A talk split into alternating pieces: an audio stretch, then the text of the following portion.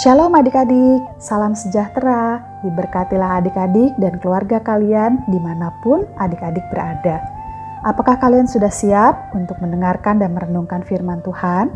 Jikalau sudah, yuk kita bersama-sama berdoa terlebih dahulu. Mari kita berdoa. Bapa yang di surga, Bapa yang baik, Tuhan yang selalu menjaga, melindungi, dan memelihara hidup kami, kami bersyukur Tuhan untuk kebaikan Tuhan yang tidak pernah berhenti dalam hidup kami.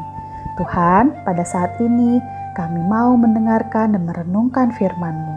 Tolong kami agar kami tidak hanya pandai untuk mendengarkan, tapi juga dimampukan untuk melakukannya dalam hidup kami hari lepas hari.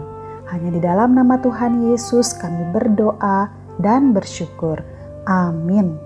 Firman Tuhan akan kita dengarkan dari teman kalian Petra yang akan menuturkannya untuk kita semua. Kejadian 6 ayat 9 sampai 22. Beginilah firman Tuhan. Riwayat Nuh. Inilah riwayat Nuh. Nuh adalah seorang yang benar dan tidak bercela di antara orang-orang sezamannya. Dan Nuh itu hidup bergaul dengan Allah. Nuh memperanakan tiga orang laki-laki, Sem, Ham, dan Yafet. Adapun bumi itu telah rusak di hadapan Allah dan penuh dengan kekerasan. Allah menilik bumi itu dan sungguhlah rusak benar, sebab semua manusia menjalankan hidup yang rusak di bumi. Berfirmanlah Allah kepada Nuh, Aku telah memutuskan untuk mengakhiri hidup segala makhluk, sebab bumi telah penuh dengan kekerasan oleh mereka, jadi aku akan memusnahkan mereka bersama-sama dengan bumi.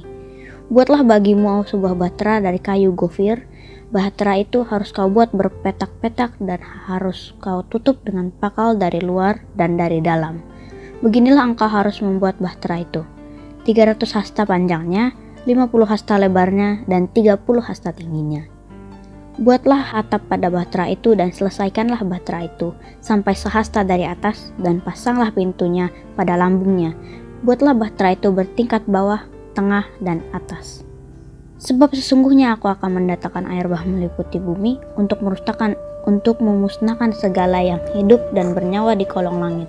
Segala yang ada di bumi akan mati binasa.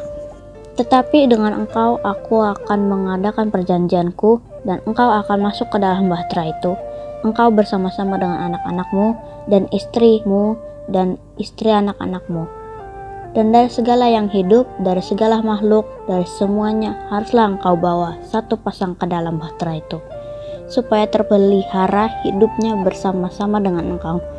Jantan dan betina harus kau bawa. Dari segala jenis burung dan dari segala jenis hewan, dari segala jenis binatang melata di muka bumi, dari semuanya itu harus datang satu pasang kepadamu, supaya terpelihara hidupnya. Dan engkau bawalah bagimu segala apa yang dapat dimakan. Kumpulkanlah itu padamu untuk menjadi makanan bagimu dan bagi mereka. Lalu Nuh melakukan semuanya itu tepat seperti yang diperintahkan Allah kepadanya. Demikianlah dilakukannya. Demikianlah firman Tuhan.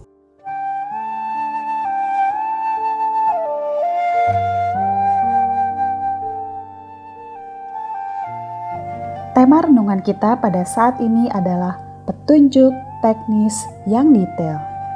Adik-adik, dalam kejadian 6 ayat 9 sampai 22, kita tahu bahwa Allah melihat manusia di bumi sudah kacau, jahat dan tidak lagi memuliakan Allah. Allah bermaksud memusnahkan bumi dan segala isinya dengan air bah. Tapi Allah memilih satu keluarga yang setia dan taat kepada Tuhan untuk diselamatkan yaitu keluarga Nuh. Tuhan mau menyelamatkan Nuh dan keluarganya, sehingga setelah bencana air bah, bumi yang baru hanya diisi oleh orang-orang yang taat dan setia pada Tuhan. Allah memerintahkan Nuh untuk membuat bahtera yang akan dipakai sebagai tempat penyelamatan kehidupan yang dikehendaki Allah. Allah memberi petunjuk dengan detail bagaimana cara pembuatan bahtera agar Nuh tidak salah dan tidak terjadi kecelakaan yang tidak perlu. Bahtera dapat memuat semua jenis binatang masing-masing sepasang adik-adik, sebab akan dahsyat sekali bencana yang ditimpakan Tuhan.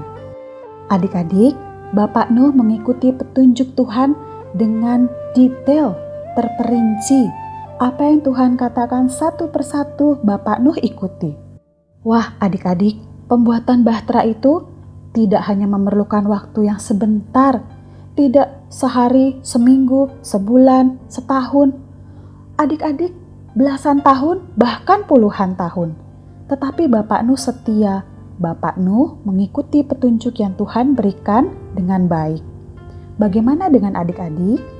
Apakah kalian juga mau seperti Bapak Nuh yang mengikuti petunjuk Tuhan dengan detail?